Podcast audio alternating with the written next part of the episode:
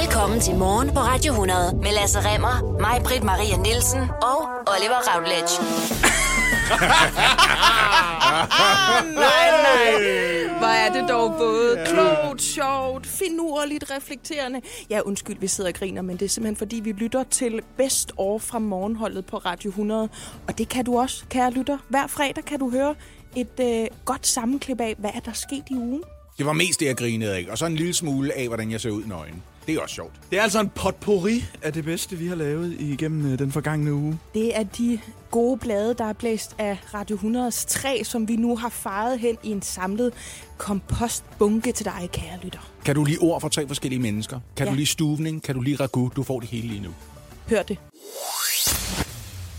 Nu bliver det anderledes alvorligt, og øh, vi har jo altså det her citat fra Hanne Brix Vestergaard, det er hende, der er overlæge og formand for Dansk Selskab for Obstetrik og Gynækologi, som fortæller, prøv at høre, I kan tro, at os gynækologer, vi får henvendelser fra unge kvinder, der er truet på livet, fordi de har haft sex før ægteskabet, og de er bange for, at de ikke bløder ved første samleje, når de altså har indgået ægteskab. Og hun siger, samfundet skal ikke legitimere, at man kan få foretaget et kirurgisk indgreb til at skabe en jomfruhinde, som måske aldrig har eksisteret. Nu har vi Karen Vest med os. Hun er medforfatter til den første udgave af Kvinde Kend Din Krop fra 1975. Og så har hun arbejdet som jordmor i knap 40 år. Velkommen til, Karen Vest. Tak. Allerførst, så kunne jeg godt tænke mig at spørge fuldstændig lige ud. Findes der jomfruhinder? Giver det mening at tale om det? For jeg synes, jeg har hørt både, at de findes, og at de ikke findes. Jamen, begge dele er øh, rigtigt. Hos øh, nogle kvinder øh, findes der en, en slags hende, som, øh, ja, som, som skal på en eller anden måde briste, enten ved sport eller samleje, øh, eller en tampon.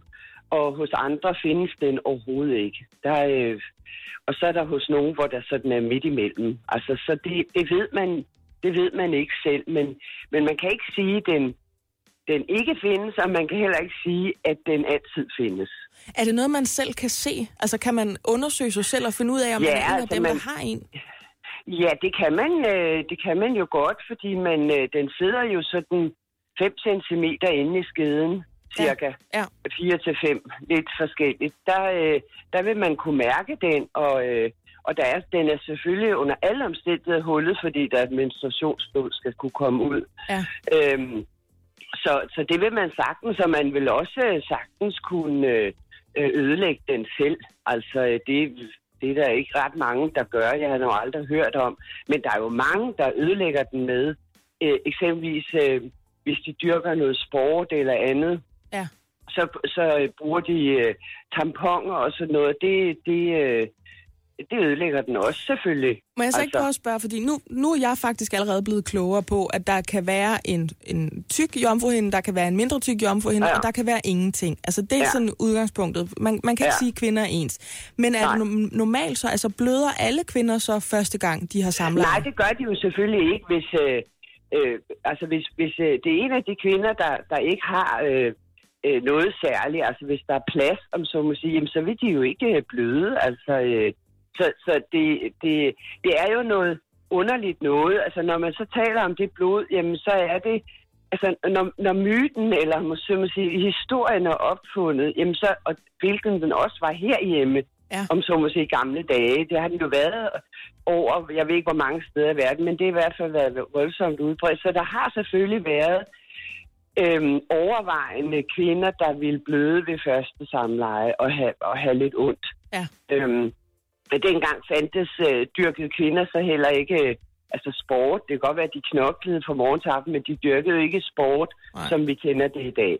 Og, og der var heller ikke nogen tamponer, og der var heller ikke... Så, så derfor øh, har det været sådan. Og den, den holder åbenbart fast. Altså, ja, det, det er jo så ekstremt, at vi skal stå og tale om det her i 2019, fordi man, Ja, fordi- man bliver helt svimmel. Det, det er jo nemlig det, jeg vil spørge dig om, Karen Vest. Altså, du har næsten 40 år i bagagen som, som jordmor. Hvad tænker du om, at vores sundhedsminister, hun er ude at sige, altså, vi er nødt til at få aflevet den her myte om, at der findes en hymen i kvinders underliv, og hvis der gør, så er vi i hvert fald nødt til at aflive myten om, at kvinder skal bløde under første samleje. Og i tillæg til det, så siger Hanne Brix Vestergaard, som er formand for Dansk Selskab for Obstetrik og Gynækologi, fordi, at vi skal altså tro på, at gynekologer får henvendelser fra unge ja. Ja. kvinder, der er troet på livet, fordi de har haft sex før ægteskabet, og de er simpelthen bange for, at de ikke kan præstere det, der bliver forventet af dem, når de skal have sex første gang. Altså, hvad, hvad tænker du, Karen Vest? Ja, men jeg, jeg, øh, jeg, jeg, jeg bliver faktisk øh, lidt målløs. Altså i, i 40, måske ikke lige 40 år i hvert fald, men vi har kendt det her, den her problematik i 30 år. I hvert fald i 30, det kan jeg være helt sikker på, fordi øh, de første indvandrere, sådan noget, så kom dø- døtrene, og så øh, var opstod det her problem.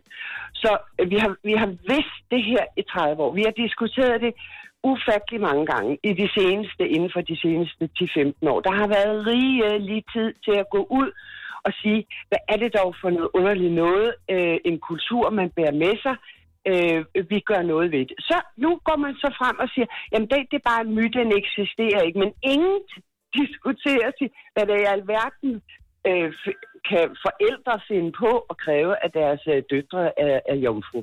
Altså, hvad, hvad er det for noget? Hvad er det der for en kultur? Øh, lad kom, lad os snakke om det. Vi må da have aflivet øh, sådan en underlig kvindeundertrykkelse, og hvad pokker det er. Det var noget, vi, der eksisterede i Danmark i middelalderen. Det, øh, det har vi afskaffet for længe siden. Og det gør- man ikke. Man går ud og taler sådan om, at det er en myte enten at have det, eller vi, nu, nu vil vi så heller ikke, nu vil vi ligesom ikke være med til, det bliver forbudt at medvirke til at danne en kunstig øh, jomfruhinde. Karen Vest, medforfatter til Kvindekendt din krop og jordmor gennem knap 40 år. Tusind tak, fordi du i hvert fald ville gøre os lidt klogere her til morgen. Jamen, velbekomme. Jeg skulle lige så sige, vi er stadig nøgne, men det er vi jo ikke. Men det kunne vi have været, hvis nu vi havde meldt os til det program, der havde premiere i går på TV2 Zulu, som hedder Date mig nøgen. Mm. For dem, der ikke har set det, så er det et studie ligesom alle andre, men det, der er anderledes her, det er, at der står fem øh, kasser i nogle pangefarver med noget lys, og så er det ligesom, I kan huske det gamle øh, dominospil, eller Kalaha-spillet, man fik i trækassen, det der stod i sommerhuset, så kunne man ligesom hive en plade væk, Oh, og så ja. kunne man se brækkerne nedenunder. Hvis ja. man forestiller sig, at man sætter den kasse på højkant, og så hiver man bare pladen opad, og det gør man trinvist, så man først viser underkroppen af de mennesker, der for pokker står inde i kasserne. Ja, tak. Så står der en vært og en deltager ud i midten og kigger ind. Og øhm, ja, jeg har delte følelser omkring det. Jeg har ikke Fordi- set det, men det kan jeg mærke, det har jeg også. Ja, altså jeg, øh, jeg har set det. Og det er, øhm, det er fem kvinder, der simpelthen bare står inde i den der kasse. Der står en gut sammen med Ibi Markinok udenfor. Og så bliver der spurgt som ting som for eksempel øh, det her, Oliver. Kønsbehåring, det er der ikke noget af. Kønsbehåring, det er der ikke noget af.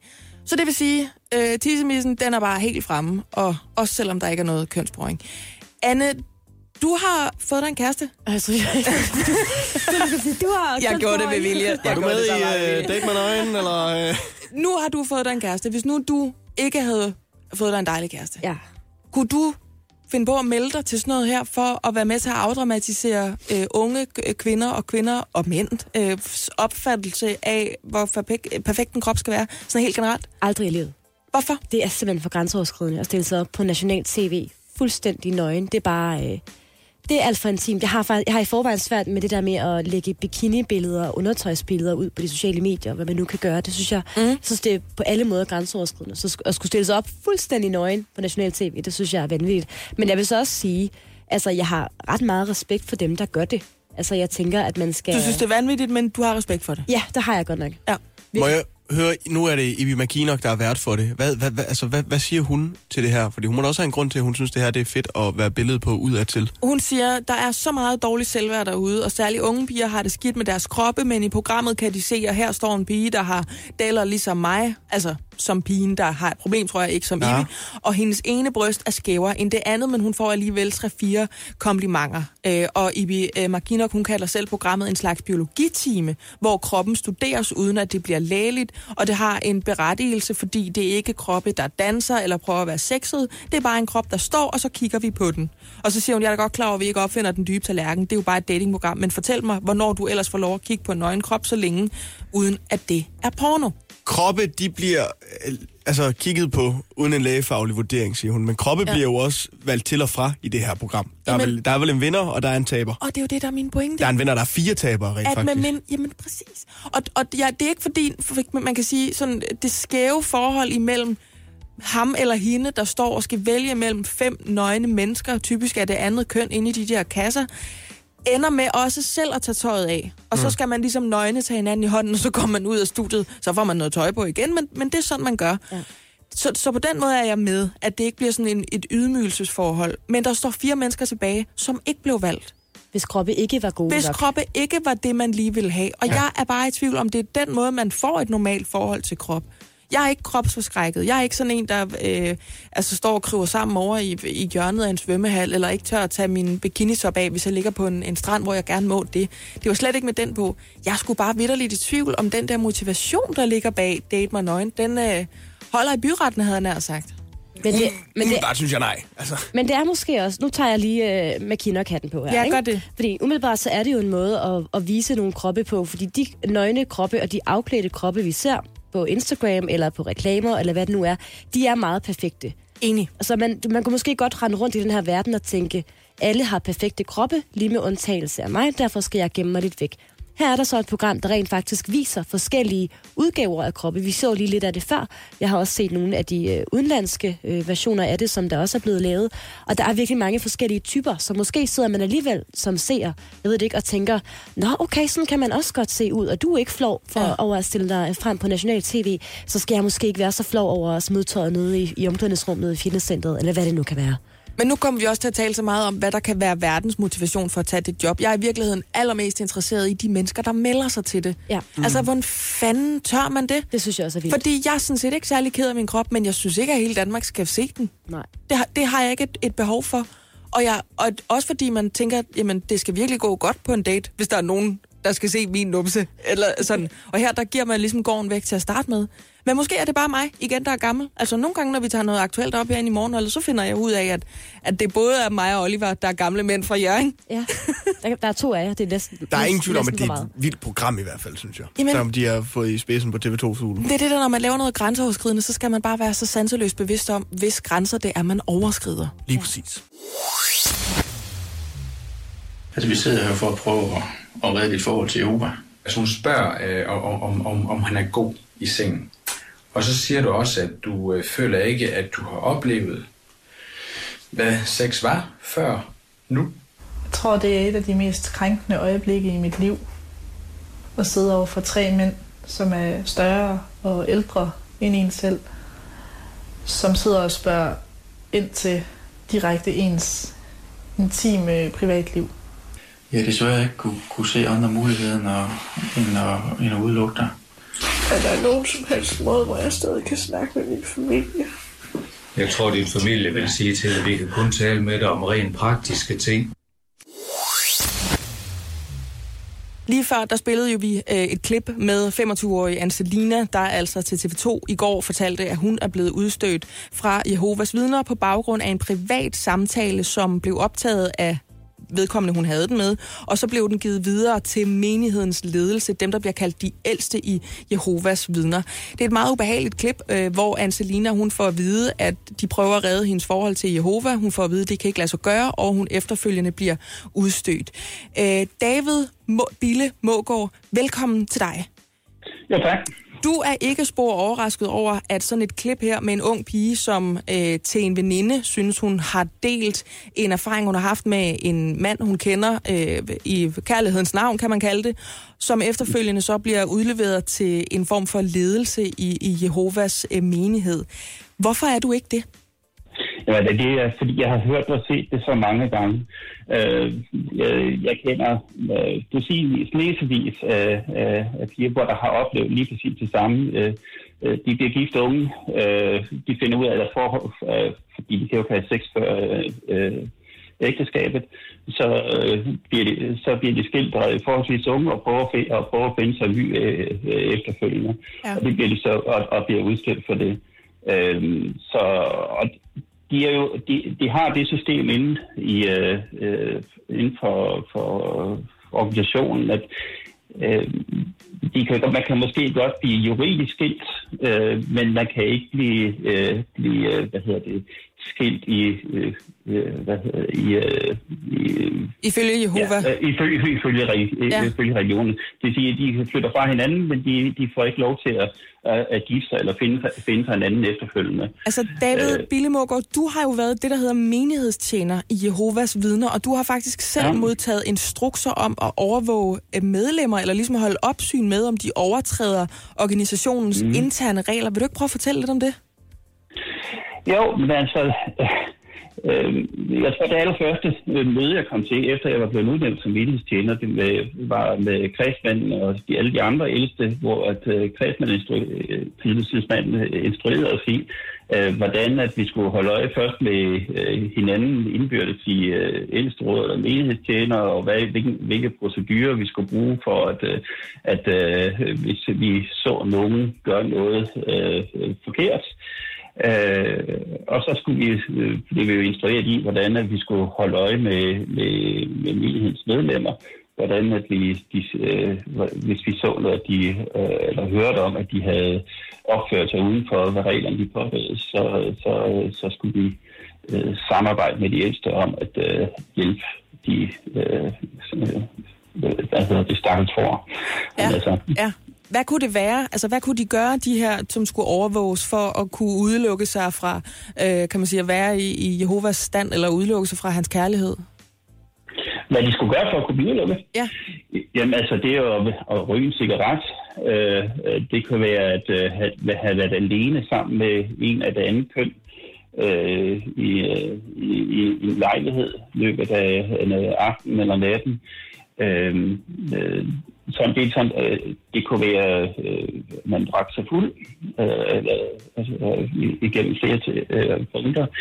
Men det kunne være, at man har været de ældste opfattet en som skamløs. Det vil sige, at man øh, ikke, øh, hvis de havde fået kommet og givet en retledning for noget, måske der var mindre, de så som et mindre alvorligt problem, altså et, der ikke øh, øh, førte til udstødelse, men ikke rettede sig efter det, eller viste en vrangvillighed over for at rette sig efter det, så kunne de også få udstød kan, på det. Ja.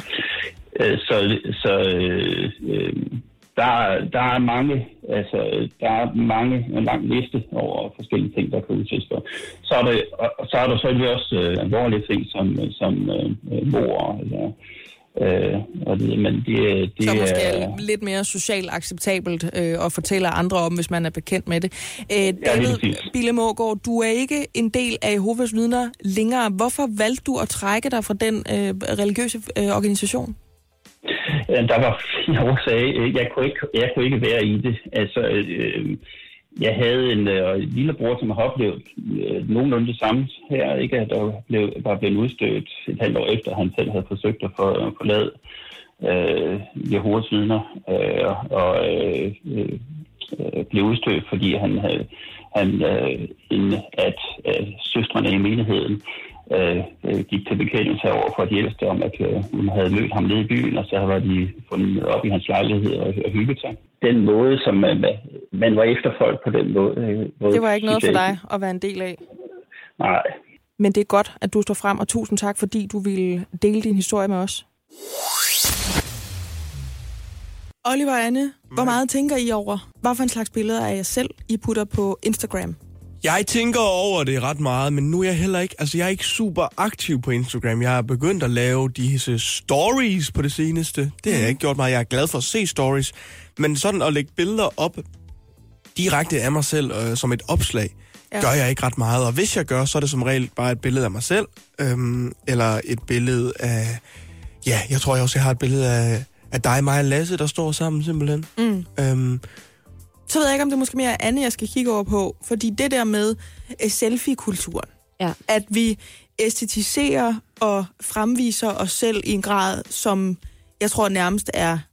Altså det her kommer til at stå i lærebøgerne på øh, grunduddannelsen om 500 år også, at der var der en periode, hvor øh, især unge mennesker fuldstændig vanvittigt meget dokumenterede deres egen øh, tilværelse. Mm. ja. Tænker du, Anne, over, når du tager et billede af dig selv, eller der bliver taget et billede af dig, om det er noget, der nødvendigvis skal deles med omverdenen, og på det medie, der er Instagram, en billeddelingstjeneste, Tænker du på, at det kommer på nettet, og hvordan du tager dig ud, om det er noget, der har seksuelle undertoner, og hvor Ja. nøgen du er, og sådan noget? Ja, det gør jeg, det gør jeg rigtig meget. Men jeg, har, jeg tror egentlig også, igen vi er tilbage til det her med at blive ældre. Fordi jeg har virkelig været en del af selfie-kulturen. Jeg har taget utrolig mange billeder, både til Instagram og til Snapchat og på Facebook, og lagt dem sådan ud rundt omkring.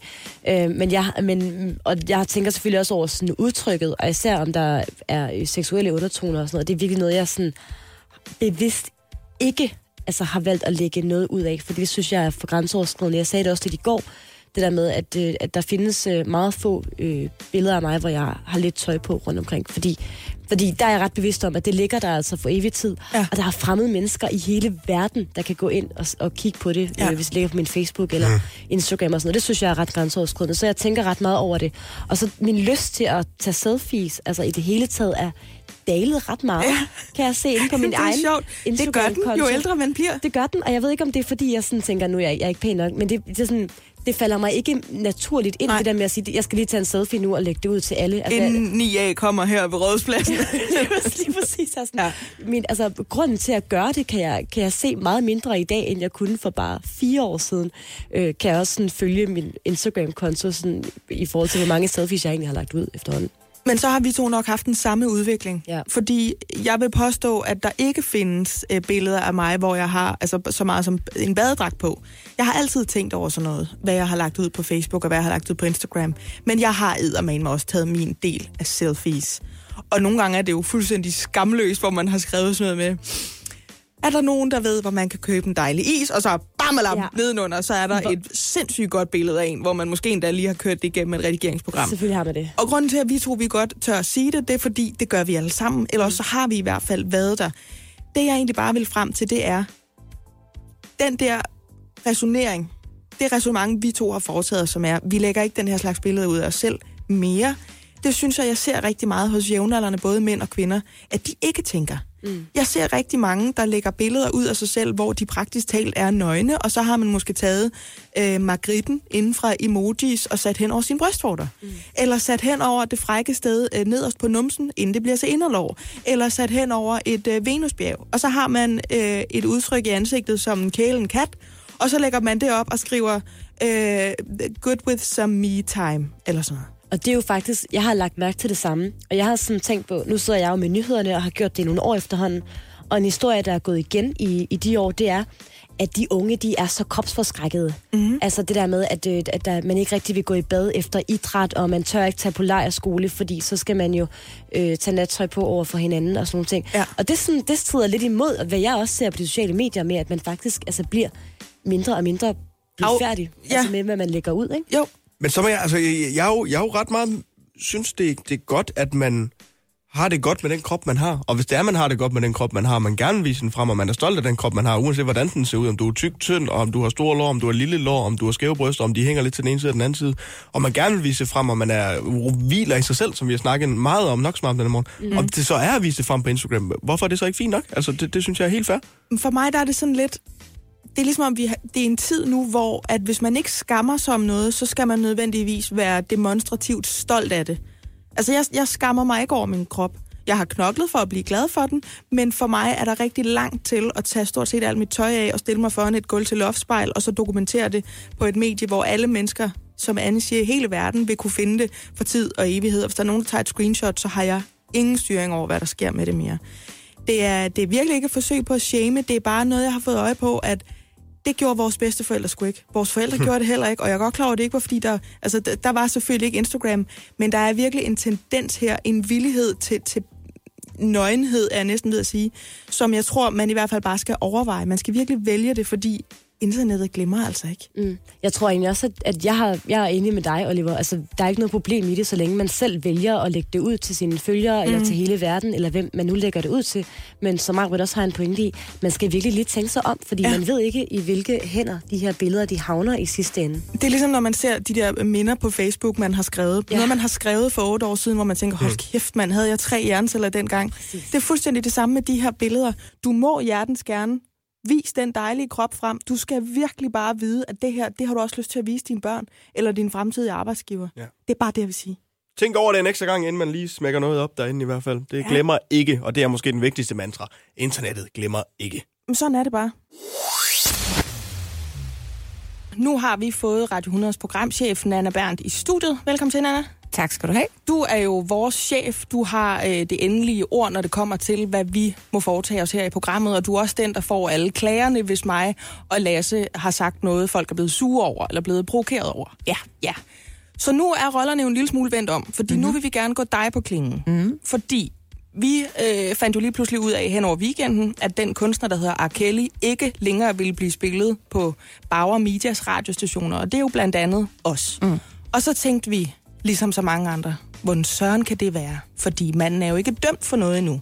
Men så kan vi læse i BT, at vores indholdsansvarlige, han hedder Tobias Nielsen, og han har talt med BT, og han siger, vi føler os fuldstændig overbevist om, at manden er skyldig i de anklager, der er blevet sat frem imod ham. Og det er jo sådan noget som voldtægt og pædofili, overgreb mod mindreårige. Alt det er den værste skuffe. Ja. Det føler vi os overbevist om, at han er skyldig i. Derfor har vi valgt at pille ham væk. Det har ikke været en nem sag, men det har vi følt os nødsaget til at gøre. Ja. Hvorfor det? Altså, hvorfor skal R. Kelly og hans musik bære følgerne af en dom, som han ikke har fået endnu? R. Kelly har en årlang historik for at have sager, som handler lige præcis om voldtægt, om vold og om overgreb mod børn. Og det har han haft siden øh, slutningen af 90'erne. Og vi er nået til den konklusion, at nu synes vi ikke, at vi vil vise ham nogen form for støtte ved at spille hans musik på vores stationer. Men Michael Jackson har også en, overrække, altså en, en overlang række sager med om angående pædofili, som jo også er en, en mand, som vi spiller her på Mm. stationen, og vi afpræsenterer dagligt.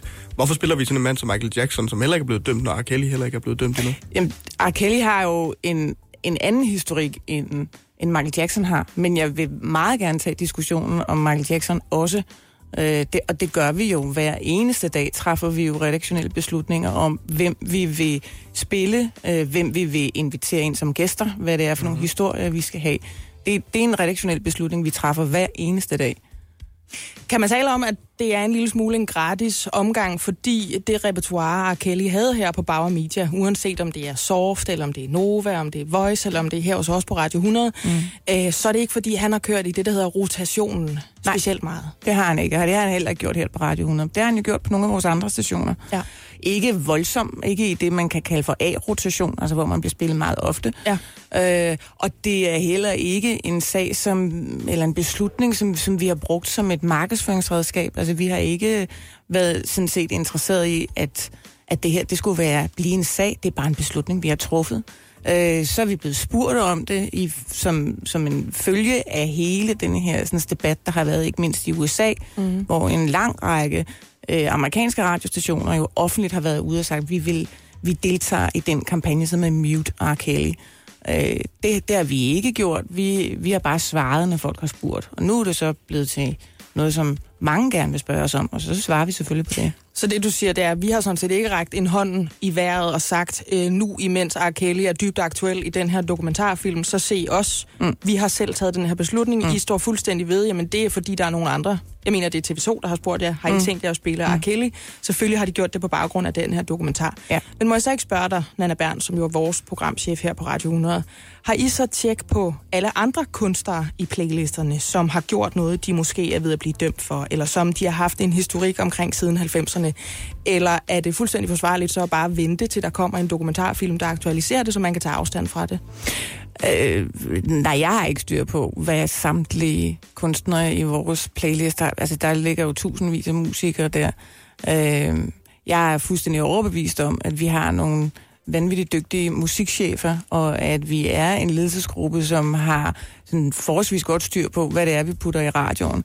Øh, skulle det vise sig, at der er nogen, som har lige så modbydelig en historik, som R. Kelly har, så tager vi selvfølgelig den diskussion også, ligesom vi gør, når vi har alle mulige andre øh, enten kunstnere øh, på besøg, eller kunstnere, som vi spiller i radioen.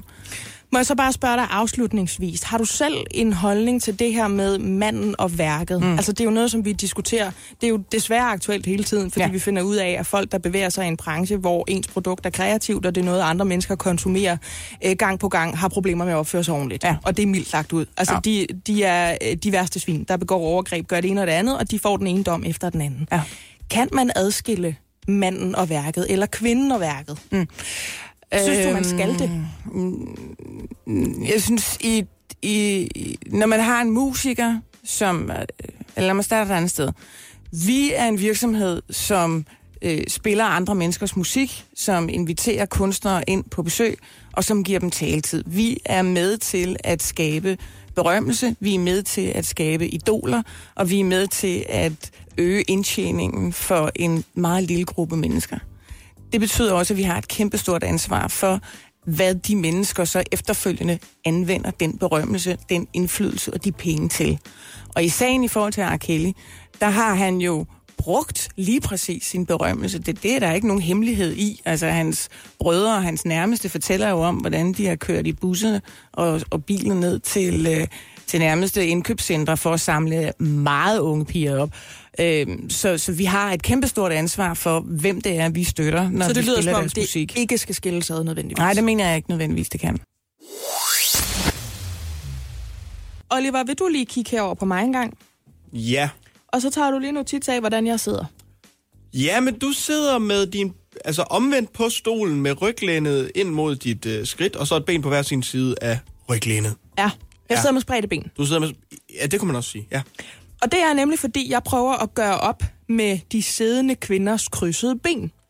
Nå, Og jeg det, prøver- det er et oprør. Det er et oprør, og jeg får Det var jeg flere... ikke klar over. Jo, det sker lige nu. Nå, og jeg okay. prøver at få flere kvinder til at kræve deres plads Ja. ved at sidde med spredte ben. Sådan som man tit ser det hos mænd. Mm-hmm. Og det er ikke noget, jeg har øh, fundet på helt af mig selv. Nå, Det var noget, jeg blev bekendt stammer med. det her oprør fra? Det var noget, jeg blev bekendt med i går, da jeg læste, at en øh, designer, der hedder Anna Ågaard Jensen, har lavet det, der man kan kalde skulpturelle stole. Øhm, Ja. For lige at beskrive dem kort. Det er ikke dem, man har øh, fire af på hver side, og så står der øh, de to sidste inde på gæsteværelset. Det er ikke ægget. Det er ikke noget fra Ilva, det her. Det Nå. er øhm, noget, der bedst kan beskrives som en ligner sådan en form for hårde, meget lyserøde indvolde på en måde. Og så Okay. er der skabt en balance i det, hvor jeg kan sagtens se, at hvis man skal sidde i dem, så er man nødt til at sidde med spredte ben, fordi det er sådan, de er skabt. De er lyserøde, de er kæmpe store, og jeg vil tro, øh, de kræver øh, to meter. Må jeg se et billede af de her sådan stole? Det må du gerne, jeg kan bare vende min skærm. Her, prøv at se. Gud, hvor ser de ubehagelige Havde ud. jeg ret i min øh, ja. beskrivelse? Gud, hvor ser de ubehagelige ud. Og hun har lavet de her stole, øhm, som kun er tiltænkt til kvinder, fordi hun Nå, har... det er en kvindestol? Ja. Okay. Det er det. Nå, men undskyld, jeg sagde den nu så ubehagelig ud, så. Den ser super behagelig ud. Jeg håber, Jamen det, prøv at høre, hele pointen er, at det er faktisk ikke op til dig at have en holdning. Nej, det er det vel ikke. Nej, det må jeg ikke. Fordi de er skabt ud fra den øh, observation, som er, at mænd har en tendens til at indtage et rum med deres spredte mandeben, de manspreader, hvorimod kvinder har en tendens til at sidde med korslagte ben, eller kryds, krydset Ja, ben, krydset ben, ja. Og så sidder du og tænker nu, hvad er det dog for noget? Hvad er det for en snart stoppe med tendens? det der feminisme-pis Ja, der, hvor stop de så. bare, de laver bare en Lad være med at shitstorm. lave jeres stole, hvor I skal Øh, sidde med benene spredt. Ja, præcis. Ikke? Men så viser jeg dig det her billede, som jeg tog i går, da jeg sad Nå, det er et i personligt metroen. billede. Er det dig, der sidder over for en mand, der... går- Hold da op, de er godt nok også. Prøv lige at se, hvor spredte de der Ej, ben det de er godt er. nok en mand, det der. Og ved du Han hvad? fylder. Det er så vildt. Det er første gang, jeg har prøvet det. Og jeg ved ikke, om det er, fordi jeg har åbnet ørerne og rent faktisk har hørt på, fordi man må jo aldrig begå den fejl, at fordi der er noget, man ikke selv har prøvet, så tror man ikke på, at det findes. Nej. Altså, jeg, jeg, hvis jeg aldrig havde set Bambi på isen, så kunne jeg heller ikke sige, at den film, den findes ikke. Derfor hører jeg på, når kvinder siger, jeg er træt af at skulle have hele en fremmed mand skridt op i hovedet, bare fordi jeg tager et offentligt transportmiddel. Mm. Det har jeg så ikke prøvet før. I går, der sidder jeg kraftedet med metroen, så kommer ham her. Jeg, man kan ikke se hans ansigt, Ej. fordi jeg har bare taget et billede af, ligesom af vores fødder, fordi jeg, jeg kunne ikke tro på, at det skete. Og jeg sidder stille og roligt og passer min egen business med krydsede ben. For, så der har hun en pointe, hende her, øh, Anna Ågaard Jensen, der så designer skole, der skal forbinde øh, kvinderne til at, at sprede deres ben, så de kan få den seksuelle magt tilbage i et rum. Ikke? Mm-hmm. Så kommer han ind, og så spreder han sine ben så meget, at jeg ligesom er nødt til at rykke mig. Og jeg havde skubbet mine øh, krydsede ben ind imod skal man sige, siden, altså væggen på metroen. ja, ja. Så jeg tænkte, jamen så svinger han sgu nok benene til den anden side. Ja. Han rykker sig ind og spreder sine ben så meget, så jeg simpelthen er nødt til at få mine ben ud i midten af Altså hans... ind imellem hans ind imellem hans spredte ben, og så tænker jeg, "Nå, men så er det måske mig nu, der tager hans plads. Så prøvede jeg at rykke mig lidt tilbage og tage benene over til siden igen, så han kunne fornemme, du må gerne få pladsen, vi kan godt dele den altså sådan på, på halv på den her måde. Det behøver ikke være sådan, som man typisk ville sidde knæ mod knæ, men vi kan dele på en anden måde. Ja. Så tager han sit headset ud af sit eget øre, prikker mig på knæet og siger, om jeg lige vil flytte min fod, fordi han kan ikke have sit ene ben der i sin manspreading, hvor han gerne vil have sin fod. Wow, Jeg en narrøv, hva'? kraftedeme ikke mine egne ører. Og jeg har ikke problematiseret sådan noget før, fordi jeg har ikke tænkt over det før. Men hvad fanden, har han betalt mere for billetten end mig? Eller hvad foregår der? Ej, og jeg kunne mærke det, og jeg er sikker på, at han kunne mærke det. Han turde ikke at kigge op på mig, og derfor gjorde jeg det jo til sådan et togt, at jeg var nødt til at sidde og kigge på ham, indtil idioten skulle af. Ikke? Ja. Hvad er det for noget? Ah, det der, det er jo ude på et overdrev. Altså, jeg vil sige, jeg har, jeg, jeg har selv bemærket et par gange, hvor jeg måske også... Jeg vil sige, der hvor jeg lægger mest mærke til, at jeg manspreader, det er på et fly. Ja. Når jeg ikke kan sidde... Fordi jeg er ret glad for, også med, som dig, at sidde med mine ben over kors. Eller tage mit, øh, mit højre ben op på mit venstre lår, og sådan, du ved, sidde med det sådan. Ja, Øhm, som en lille havfru. Ja, nemlig. Ja. Ja. Men når jeg sidder på et fly, der manspreader jeg sgu. Det må jeg indrømme. Men prøv at høre, man må gerne sprede sine ben, så længe man ikke tager pladsen for nogen. Ja. For mig handler det ikke engang om, om vi var mænd eller kvinder. Det handler om at opføre sig ordentligt, og dine præferencer for at sidde med helt spredte ben og bare kaste dit skridt, altså morsten i mine øjne, det må du pakke væk, når vi sidder i et offentligt transportmiddel, hvor der simpelthen ikke er plads til det, og du skal slet ikke bede mig om yderligere Nej. at flytte mine ben, så du kan fylde endnu mere. Og ved du hvad, da vi så har siddet sådan i fem minutter, og jeg sidder og stiger på ham, fordi jeg tænker, det kan ikke være rigtigt det her, så kommer der en ældre dame ind, så sød, hende du gerne vil have, der skal være bedstemor til dine kommende unger, Oliver. Ja. Så sød en lille dame med øh, blomster og tørklæde rundt om håret. Hun må sidde altså på numseknoglen på det yderste og svinge benene ud i midtergangen, fordi hun ikke kan være der for den kæmpe narsben. Så meget skal han sprede ben. Nej. Der er et problem. Og jeg er, ikke den, jeg er ikke sådan en, der problematiserer de ting. Jeg hopper ikke på alle de der feministiske limpinde. Og jeg plejer heller ikke at have et problem med at kræve min plads, når jeg kører bus eller når jeg kører metro. Men det der, jeg oplevede i går, sammenlagt med, at jeg ser, at der er en ung designer, der laver øh, spred din ben, kvinde, stole. Nu er det altså nok. Kan I så for helvede få samlet de ben, så vi andre kan være der? Det har ikke været meant to be imellem økonomien og deltagerne i uh, luksusfælden. Nej. Men du har gennemskuddet det. Jeg har Maj-Brit. gennemskuddet, hvad det er, der får det format, det er jo det, man kalder det, den måde, man bygger et program på, Mhm. mm-hmm. øh, der er luksusfælden til at fungere så pissegodt. Og det er det samme, som når DR for eksempel har fundet ud af, hvis vi skal have øh, noget fremdrift i det her program, hvis vi skal have noget aktivitet, så skal vi have Kåre Kvist til at smække døren til en varevogn hårdt i, imens han vender sig om, og så går han væk fra stedet, imens der er en gadelampe, der blinker. Eller nu lukker han den her skrivebordsskuffe, eller kører hænderne, hænderne hen over den, en skrivebordsflade. Eller sådan. Det er derfor, Morten Spiegelhauer i Operation X altid skal lyde, som om han er bange for, at der er nogen, der hører, hvad han siger til kameraet. For eksempel. Lige rundt om hjørnet, det man prøver at boste. Det er det der med, at det man egentlig skal gøre i luksusfælden, som jo kunne vare fem minutter, hvis ikke man havde øh, nogle gode skriver på det, det var at sige, øh, Lone, du, du skylder for mange penge. Du kan ikke spise chips for 16.000 om måneden, også fordi, så kan du ikke betale din datters dagpleje. Nå, okay, skal jeg holde op med det? Ja, hold op med det. Ja. Og så er der rulletekster. Det kan man ikke. Så derfor så er man nødt til at lave noget, putte noget indhold ind i det. Noget content, simpelthen. Er det det der med 1000 kronerne på bordet? Det er for eksempel sådan noget. Og det er jo altid et glasbord, der står på nogle gipsfødder, der er formet som lødefødder for en eller anden 60 i læder ude i Ishøj. Det ved vi jo godt. Det er den samme lejlighed, de står i hver gang. Men det er den der med, at de siger, prøv du lige at putte noget energidrik op i den her fiskebogle, så du kunne se, Ah, hvor ja. meget energidrik du til sammen drikker, hvis man fordelte det i fiskebowler. Ja, Og så ja. var det dit års forbrug. Og så bagefter, så tager vi de her sten, som du skal forestille dig, at de ligger på dine skuldre, fordi det er den økonomiske byrde. Ja. Og så kaster du dem hen på fiskeboglerne, så de smadrer, og på den måde øh, gennemvæder billedet af dig og din familie, som ligger nedenunder alle Man fiskeboglerne. er nødt til at gøre det visuelt, ja. Fuldstændig. Det er også den der med, øh, hvad vil du helst? Vil du helst redde din datter eller din studenterbrød, som vi har sat ind i hver sin brændende ring af ild? Eller vælg de her babkasser med dit ansigt limet fast på. Eller vi har lavet to cutout Det, den har de jo faktisk lavet, skal Den har de sige. lavet. Den har de lavet det med Den har de lavet i går. Nej, de- det- Den blev sendt det. Jo, de gjorde. Og jeg troede jo, hun skulle stå og fjerne den ene papkasse efter den anden, Ej, så hun dem. havde udhulet sit eget ansigt. Fordi Oliver, hun brugte penge, fordi hun gerne ville føle sig som en person. Og det tror jeg, vi alle sammen kender. Nogle gange, når man er ked af det, så hjælper det jo kun at købe. Men altså, hemmeligheden er, at det gør det jo ikke. Mm. Eller også så er det sådan noget med, vi har puttet for 10.000 kroner McDonald's øh, ned i den her voldgrav, og nu skal du stille dig op og øh, pisse ned på det, ligesom du har gjort på din familie.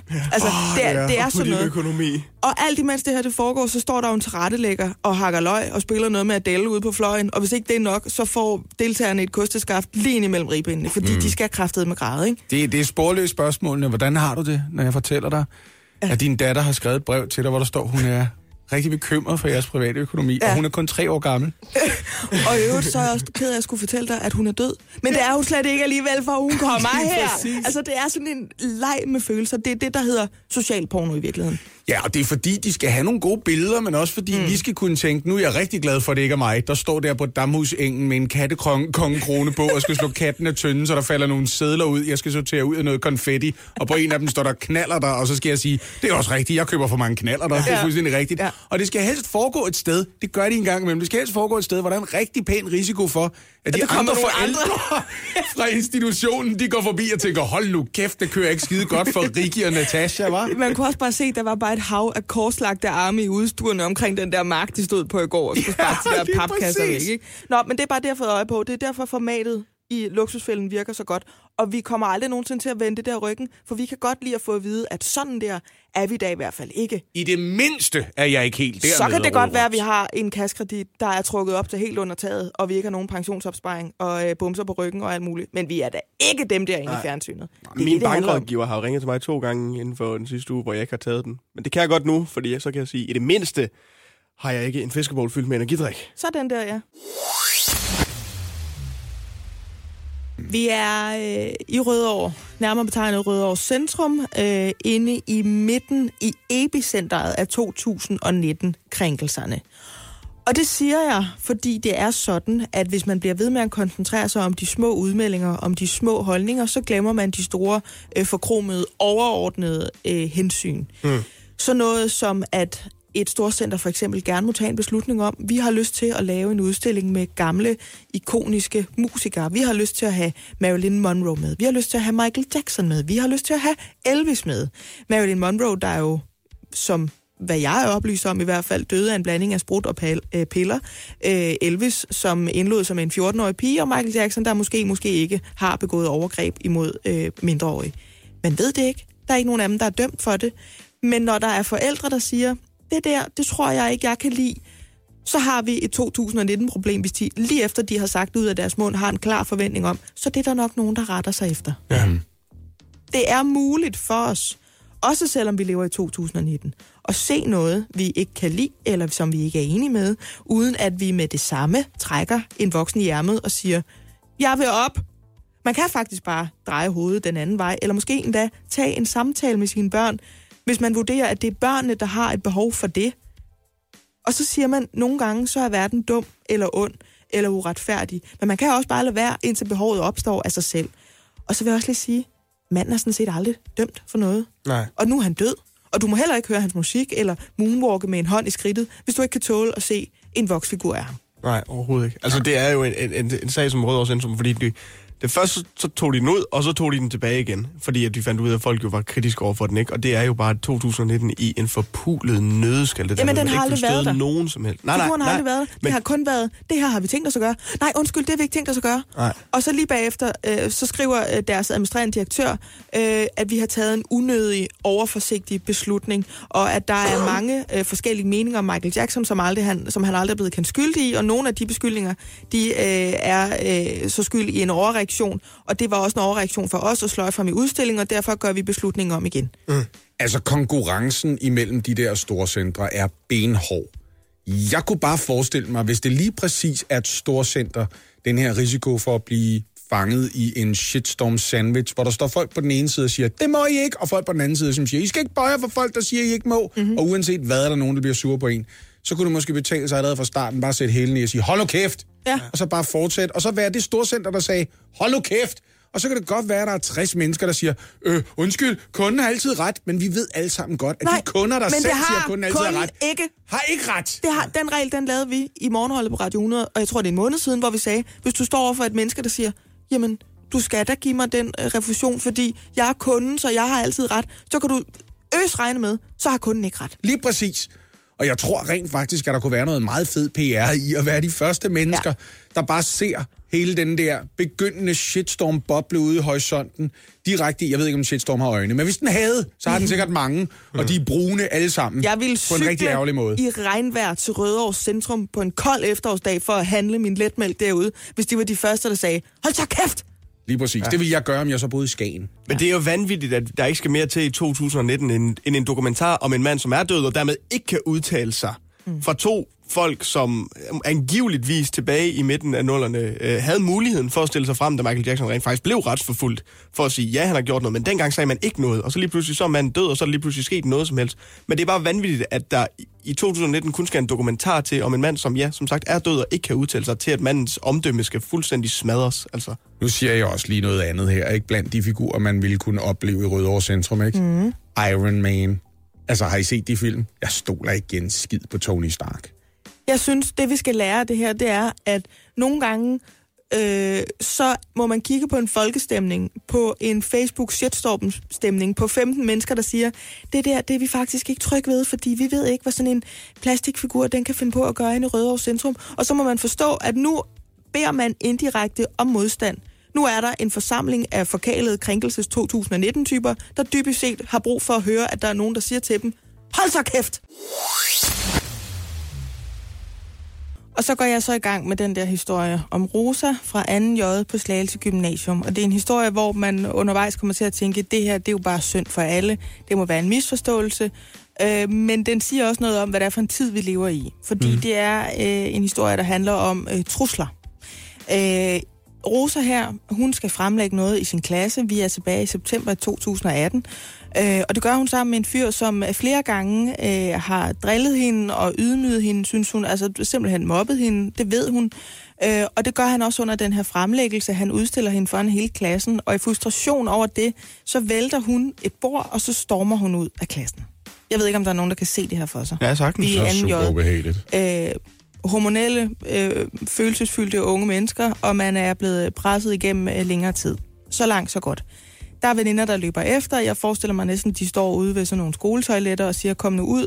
Og de ender med at bruge dagen sammen. Der står blandt andet her, at hun har lavet lasagne sammen med de her veninder.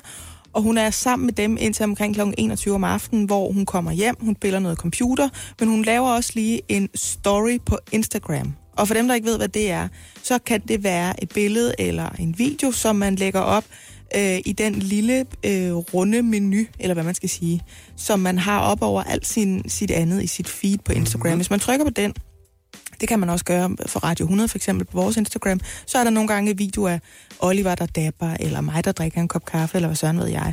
Og i den story, der har Rosa altså skrevet, øh, jeg bliver den næste school, øh, school shooter, you guys, LMAO, altså laughing my ass off.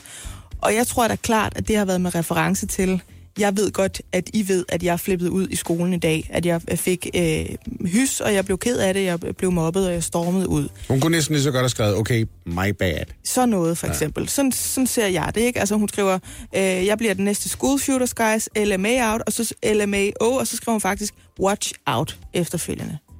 Altså, pas på, ikke? Løst oversat. Ja, og sådan en story der, der skriver man lidt i vand, ikke? Det er væk efter 24 timer. Det er det. Mm. Det er ikke noget, der ligesom er, er blivende. Mm. Nå, så bliver det dagen efter, hun møder øh, ind på gymnasiet, hun står i bussen, og så går hun over mod skolebygningen. Men så bliver hun stoppet af politiet og bliver spurgt, hvad hun hedder, og kort efter ligger hun så ned på fliserne. Og for øjnene af de andre elever, der er ved at møde ind dagen efter, hun er stormet ud på den måde, bliver hun kropsvisiteret og får håndjern på. Det synes jeg lige umiddelbart lyder som en af den slags, øh, vi tager lige hende her som gissel for at vise, at vi tager ting alvorligt, også selvom vi måske godt kan se på den konkrete sag, at den ikke er så farlig. Jeg er fuldstændig enig. To måneder senere, der falder så afgørelsen. Retten i Næstved, de frikender Rosa for trusler, som jo altså er det, det her beror på. Fordi der er en mor til en pige i Rosas klasse, der har fået videre sin datter. Prøv at se den her story. Rosa, som jo stormede ud af klassen tidligere og var meget, meget vred på mange af os, hun har lavet, og der står watch out. Den mor ringer til rektor og siger, bibidi bobbidi bum. Det ender med, at hun kontakter politiet, som altså står klar til at jamen, vel nærmest pågribe den her pige på 17 år, da hun møder op på sit gymnasium. Hun, hun er fuldstændig uvidende om det, ikke? Der vil jeg lige skyde ind. Måske jeg også ville være lidt mere touchy, hvis jeg havde en oplevelse af, at det her det var noget, som muligvis kunne være rigtigt, og det var mine børn, det kunne gå ud over. Ja. Ja. Så jeg kan også godt se den side af det. Det kan jeg nemlig også ja. godt. Jeg kan godt det, er det, er jeg mener, når jeg siger, det er synd for alle. Ja. Fordi hvis man virkelig føler sig truet, så er det synd. Men når jeg læser det her, og uden at have siddet med nogen steder, og jeg henholder mig også til, at retten i Næstved har frikendt hende for, trusler, så synes jeg, det virker som noget, der kunne være sket for enhver presset ung pige, måske nærmest mig selv, øh, for øh, 16 år siden, hvis der havde været øh, Instagram. 100 procent. Nu er vi så der, hvor Rosa, hun kunne ikke få lov til at komme tilbage i skole, fordi hun er jo naturligvis bortvist fra Slagelse Gymnasium. Men hende og hendes forældre har forsøgt at kontakte fem andre gymnasier for at høre, om hun må få lov til at gå der. Hun har jo altså i hvert fald, måske skal vi regne med et års tid endnu, hun måske ved at blive student omkring sommeren, medmindre hun lige var startet i anden, så hun ja. to år tilbage i gymnasiet. Ikke? Men der siger folk, øh, dem der ligesom har et ledelsesansvar og, og står for at, at må lukke de unge mennesker ind på gymnasiet og skal vurdere dem, enten at øh, den sag omkring hendes trusler er så alvorlig, at de er bange for, at hun ikke kan passe sin skole. Hun er blevet frikendt. Ja, nemlig. Det er nemlig det. Det er nemlig lige præcis fucking det der. Fordi Slagelse Gymnasium og alle mulige andre steder skal ikke gå ind og vurdere på, om Nej, de nej. synes, hun er noget som helst. For hun er blevet frikendt. Det skal Mhm. I forholde jer til. Hun er en pige på 17 år. I skal forholde jer til, at hun har ikke en plettet straffetest. Andre steder siger de decideret til hende, at de er bange for, at hun vil blive drillet og mobbet, og hun ikke vil føle sig godt tilpas. Hvad med en aftale om, at hun bare siger, det tager jeg selv ansvaret for?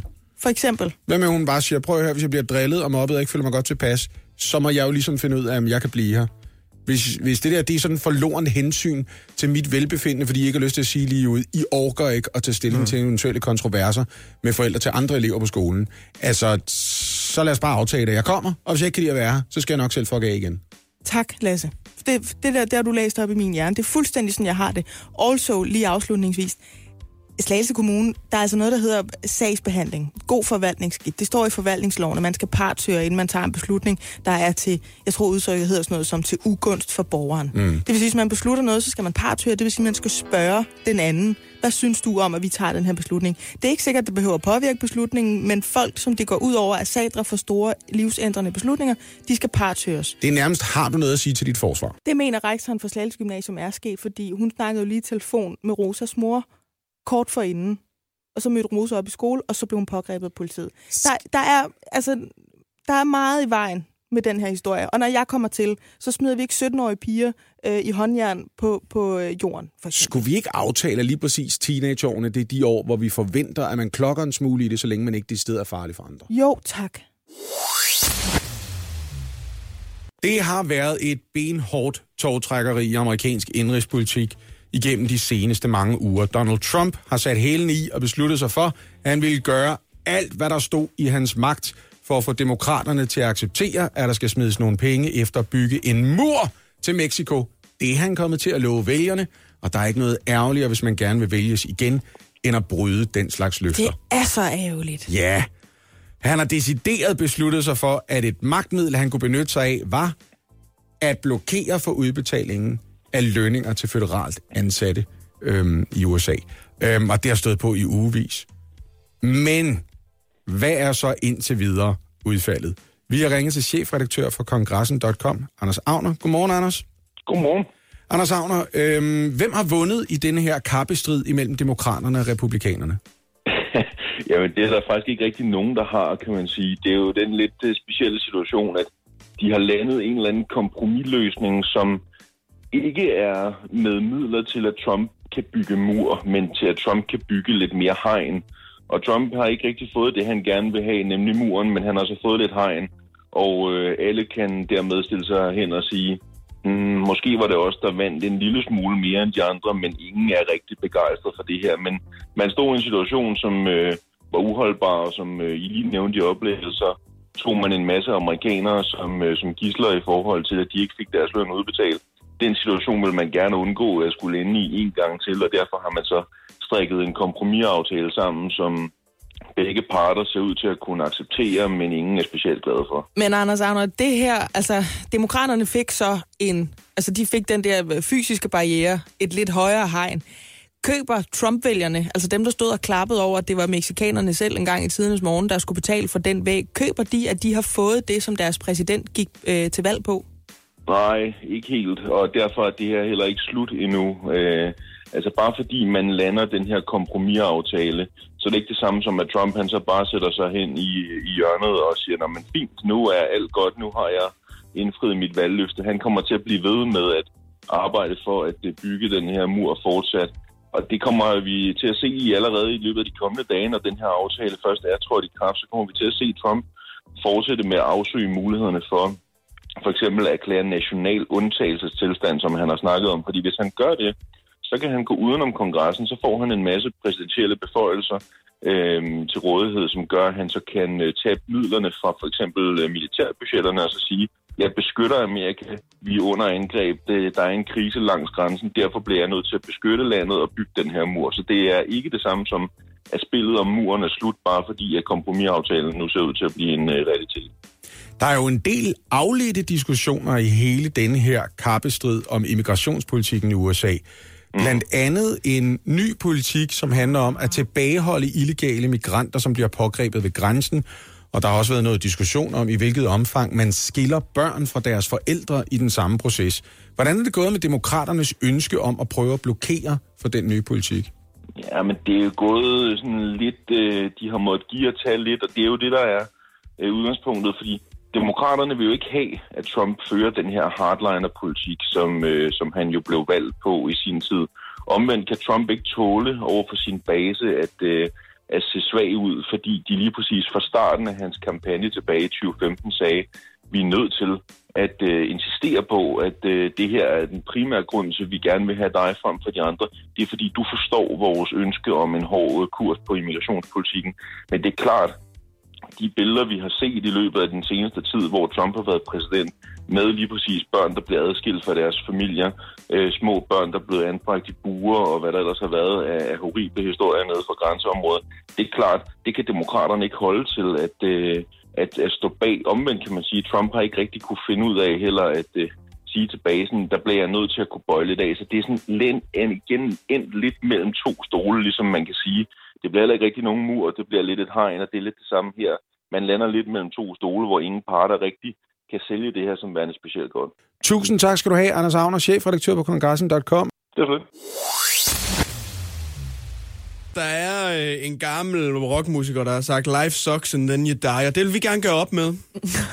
Vi vil egentlig gerne sige, life's pretty great, and then at some point, yes, you will die. You will die, but you will die happy. ja, det, det er vores engelsktalende lytter, er det det, vi gerne vil Yes, sige. exactly. Vi vil egentlig bare gerne prøve at gøre det søde endnu sødere. Ja. Og det er jo, for vi håber, vi har lyttere, der har for længst fundet ud af, at livet er en gave. Selvfølgelig er der en dag, man skal dø, men alle andre dage skal vi ikke. Og det tredje råd er, Benny Andersen. Jamen, når Oliver må, så vil jeg Ja, også. jamen, jeg Ja, men elsker det det. er... øh, Det er Okay, så slår jeg bare op i Berlingske igen. Det tredje råd til at få det mest ud af det, mens man er her, som er givet fra folk, der er terminalt syge, som Berlingske altså har talt med, det er at spille med og bruge tid i naturen. Nå, Ja. men det var vi jo lidt inde på i forbindelse med Det var vi nemlig allerede. ja, fordi, det andet minde, eller... Ja. Ja, altså, og jeg, øh, jeg kan så godt forstå det her. Nu læser jeg lige op, hvad motivationen bag det råd er. Øh, de medvirkende oplever, at kroppen og sindet slapper af, når deres sanser bliver aktiveret i naturlige omgivelser, og i den her kontekst, der er de medvirkende altså dem, der er terminalt syge. Så det er altså folk, der virkelig har noget at gruble over, ellers nok også mere end de fleste af os har. Det er en næsten evolutionær genkendelse, eller der er, undskyld, en næsten evolutionær genkendelse på spil, som kan være svær for dem at forstå og beskrive med ord, men de oplever, at naturen fagner og rummer dem som ingen andre. Åh. Mange af dem er først begyndt at bruge tid i naturen, efter de er blevet syge. Og så er der en 50-årig Janni her. Hun har hjernekræft, og hun siger, at det er fuldstændig ligegyldigt, om det er efterår, vinter, forår eller sommer. Det er lyset og farverne, der betyder noget for mig. Når himlen er orange, eller når månen er stor, så kan jeg mærke det hele i kroppen. Så sidder jeg derude med min jakke på og glor og suger til mig. Det er magisk. Det lyder det da også som. Hvorfor sidder vi her lige nu? Jeg er about it. Det er gået op for mig lige nu, at den der gamle dating profilfloskel, øh, jeg kan godt lide lange gåture på stranden. Det er bare en anden måde at sige, jeg er bare en glad pige. Ja. ja. Og det er gået op for mig, at jeg ikke skal dø i København. Ja, det skal du i hvert fald Ja, du er sunshine, man. Men det, er- du skal det, det, heller jeg ikke savner. på torvet i Jørgen. Det er det, jeg savner allermest ved at være flyttet til København. Det er naturen i ja. Nordjylland. Det må jeg ærligt sige. Der er sikkert rigtig skøn natur andre steder også, men for mig, der er det det, jeg savner allermest. Lige at gå en tur i Vesterhavet, gå en tur Og blive op i, godt igennem. op i Tværsted Klitplantage. Og, Ja, der skal, prøv, nu sagde du lige det rigtige stednavn der for mit vedkommende. Ja, ikke også? Der er jeg allerede overbevist. Uh, det er skønt, ikke? Ja. Det er ikke noget med sex, Lasse. Nej, men det er fordi i Tværsted, der, min svigerfamilie har en lille... Nå, så var det mig, der havde en pervers tanke. laver Ja, lige præcis. Nå, undskyld. Ja, Jamen, så, den tager jeg. Undskyld. Nej, det var ikke et klitplantage, det var Tværsted, jeg reagerede troede, på. Jeg troede seriøst, det var det, du reagerede Men på. du troede, jeg havde en idé om, når man en skovtur, hvor man vandrer glad igennem lystknop efter lystknop. Det er da det, jeg har lyst Det var til. 100 det, jeg så for mig. Men du er, en, du er en mindre ulækker mand, end jeg tilskrev dig. Bare Undskyld, roligt, det var meget lødigt sagt. Tværsted ligger jo lige i nærheden af Vulva Bakker. Ja, det er rigtigt lige til højre for, faktisk. Okay, jeg vil bare sige, som også tilflytter til København, jeg er fuldstændig enig. Fordi jeg kan simpelthen mærke, ja, dyrene kalder det imprinting, eller de kalder det ikke selv, det bliver, det bliver sagt om Du er, dem. i, du er i for nær kontakt med naturen. Det bliver sagt om dem, Ja. at hvis et dyr for eksempel bliver, hvis man tager en due med ud i et habitat, mm. den ikke er vant til at være i, og kaster den op i luften, så kan den finde hjem igen. Ja. Dyr kan finde derhen, hvor deres ynglebetingelser er bedst, og jeg tror, det er lidt det samme, når man kommer fra en provins, at så har man en tendens til, så er man nødt til lige at komme ind og kigge. Det kunne være Aarhus, Aalborg, uden til København, til sådan i storbyen, og så skal man hjem igen og Ja. have foden under egen havegrill. I dyreriget, der hedder det imprinting. Hos mennesker, der tror jeg, det hedder tryghed og ro. Fordi der sker noget rigtig fint med os, når man lige pludselig står og kun skal forholde sig til, nej, hvor havet det bruser nu. Mm. Naturen øh, undgår at, at udfordre dig på måder, som storbyen har det med at udfordre dig. Det er godt for mennesket. Kæmpe surprise at være i naturen. Det har vi jo bare glemt, fordi vi alle sammen har fået Chromecast og klamydia for lang tid siden. Præcis. De Mhm. to store seere, du skal da hjem en gang imellem. Det kan jeg godt mærke. Det der ja. jagttegn, der skal du altså gå lidt længere, før folk de ikke løfter et øjenbryn, når de ser dig med en riffel. Du skal op og stå i en gabestok på Herningtorv og bare nyde, du hjemme igen. Herning! Jørgen, tak. Ja, du skal jo stoppe undervejs deroppe, ikke? Jeg skal ikke til heden. Det er simpelthen som at hælde syre på børns selvværd, når man skælder ud. Det kan godt være, at man kommer til at gøre det i afmagt en gang imellem, men det er altså noget, som børn i værste fald risikerer at tage egentlig skade af. De kommer til at føle sig små og forkerte og uelskede, og det er sådan skæld ud karakteriseres af pædagog og familievejleder Christina Abelgaard. Og hende er vi i røret lige nu. Godmorgen, Christina. Godmorgen. Christina Abelgaard, øh, det er jo i hvert fald hver fjerde barn i danske institutioner, som jævnligt oplever at blive skældt ud. Hvad er det, skæld ud gør ved børn? Jamen, skæld ud er jo virkelig ubehageligt, både for børn og voksne i virkeligheden. Og når man får skæld ud, jamen, så føler man sig netop, som du siger, meget lille og meget øh, uværdifuld for den, der øh, står og taler øh, til en. Og samtidig så oplever de også for sig selv, at de også er værdiløse for sig selv. Men hvad fanden gør man så, når børnene ikke opfører sig pænt? Ja, og der øh, kan man jo være nysgerrig på, at der er en grund til, at de gør, som de gør. Og nogle gange, der har vi simpelthen fået sat kravene alt for højt til, hvad vi regner med, de skal kunne lige nu. Det er tit, de øh, kommer til at sejle deres egne sø, og kommer til at gøre noget, som de lige har brug for hjælp til at finde ud af, hvordan gør jeg det her? Hvordan, når jeg gerne vil have skoven fra min legekammerat, hvordan får jeg den så uden at slå ham i hovedet? Eller når de bliver ældre, jamen hvis der er noget, man gerne vil øh, lære eller gøre sammen med sine venner øh, henne i klubben, jamen hvordan henvender man sig så til dem, uden at det bliver for voldsomt? Og måske har man endnu ikke haft mulighed for at lære, hvordan man gør, fordi man har brug for hjælp fra en, øh, en voksen måske til, hvordan håndterer jeg det her? Og hvis man kan huske det i situationen, så føler man sig som en god far, kan jeg tale mere om. Hvis man i situationen Ja. tænker ved sig selv, jeg kan godt lige finde ud af at lytte og folde antennerne ud og være med på, hvor er det, hun er henne lige nu, når hun reagerer på den her måde. Men jeg tænker ja. også lidt en gang imellem, hvis negativ opmærksomhed skal føre til, øhm, slået, hvis negativ opførsel skal føre til positiv opmærksomhed, lærer man så ikke ved eksempel børnene, at hver gang man skriger og råber en smule, eller opfører sig på en måde, som voksne synes er helt umuligt at have med at gøre, så fører det bare til noget godt. Øh, det kan man sige, det er sådan en baglæns måde at se på. Jeg vil hellere have, at vi overhaler børnene indenom. Forstået på den måde, at hvis de råber og skriger og skaber sig, jamen så er det fordi, de har det skidt. De har det altså ikke fedt med at ligge der og skrige og skabe sig. Det er altså ikke fordi, de har lyst til det, og det er slet ikke for at drille os voksne. Tit handler det om, at de har brug for at blive set på med nogle kærlige øjne. Og hvis vi indimellem sørger for at overhale dem inden om at vise, at jeg har set dig, skat, og jeg ved godt, det der er svært, jo mere man tanker dem op med at vise, jeg har set dig, og du er velkommen her, jeg vil gerne hjælpe dig, jo mindre frustreret bliver de, og jo mindre ligger de sig og skriger og ryger i flitsbue, øh, når der er noget, de har svært ved, eller noget, de ikke vil acceptere. jeg er en kvinde på 30 år, som nok i en overskuelig, øh, inden for en overskuelig fremtid skal være nogens mor. Når nu mm. jeg kommer til at stå i den der situation fuldstændig altså spraymalet med afmagt og desperation og grød op af øh, ærmerne og nogen, der ikke vil tage deres sko på, og jeg kan mærke, at enten så skal jeg græde, eller også så skal jeg have lov at sidde to timer inde på toilettet for mig selv. Hvordan reagerer ja. jeg allermest hensigtsmæssigt, hvis mit barn er ved at få øh, bugt med mig rent følelsesmæssigt? Altså, vi er ikke perfekte forældre, og der findes ikke nogen perfekte forældre, heldigvis. Vi skal holde fast i, at vi altid gør det bedste, vi kan lige i situationen. Og nogle gange så er situationen simpelthen så udfordrende for os, at vi gør noget, som vi egentlig ikke havde planlagt, at vi ville. Og så skal vi klappe os selv på skuldrene og sige, at jeg gjorde det bedste, jeg kunne lige nu. Og vi skal tænke på, og her skal vi så for at trække vejret indimellem og holde fast i, at mine børn er så heldige, de har fået mig til mor, og det var lige mig, de skulle have. Og nej, jeg er ikke perfekt. Og indimellem, jamen, når vi bliver overvældet nok, når vi bliver frustreret nok, så ender det med, at vi kommer til at skælde ud i afmagten netop. Og det, det der så er vigtigt at gøre, det, jamen, det er at vende tilbage til sit barn og tage ansvar for, at man gjorde, som man gjorde. Og for eksempel sige, jeg kom til at råbe så højt af dig. Det var ikke okay. Det må du undskylde, skat. Og så sætter man punktum efter det, for hvis man så øh, sætter en hale på, der hedder, men det er også fordi, at du, så får vi puttet ansvaret lige tilbage i hovedet på barnet. Vi skal altså sørge for, at vi tager ansvar for vores reaktion, og så går vi tilbage og limer vores relation til barnet sammen igen, så det ved, jeg kan stadig godt lide dig, og ja, jeg er din mor, og jeg kan også gøre forkert, og jeg kan vende tilbage og undskylde. Det vil jeg virkelig prøve at huske til den tid. Tak skal du have. Ja, velbekomme. Og øh, for de ganske, ganske få, der ikke ved, hvad fredagsdigtet går ud på, så er det simpelthen bare en fong af, hvad vi har talt mest om i løbet af den forgangne uge. Mm. Det er på ikke, rim? Ja, på rim, for guds skyld. Ej, der har lige været et par gange, hvor... Hvor det måske der, har knævet lidt med Ja, der, Men, og der øh, kan man godt høre, at jeg ikke på den måde er, altså sådan er, er rimsmed. Men jeg gør mit bedste. Ja, og det er rigeligt. Jeg starter nu. Det er langt den her gang. Smukt. Så øhm, sæt tight. Du må ikke lade dit barn skamme sig i evigheder på værelset. Måske kan det konstituere psykisk vold. Det siger et nyt lovforslag, der skal beskytte alle udsatte mod social kontrol. Flot.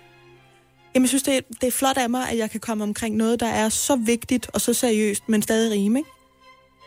Jehovas vidner ser åbenbart sig selv som en slags parallel domstol og politi, for med de ældstes besøg retter de unge troende til.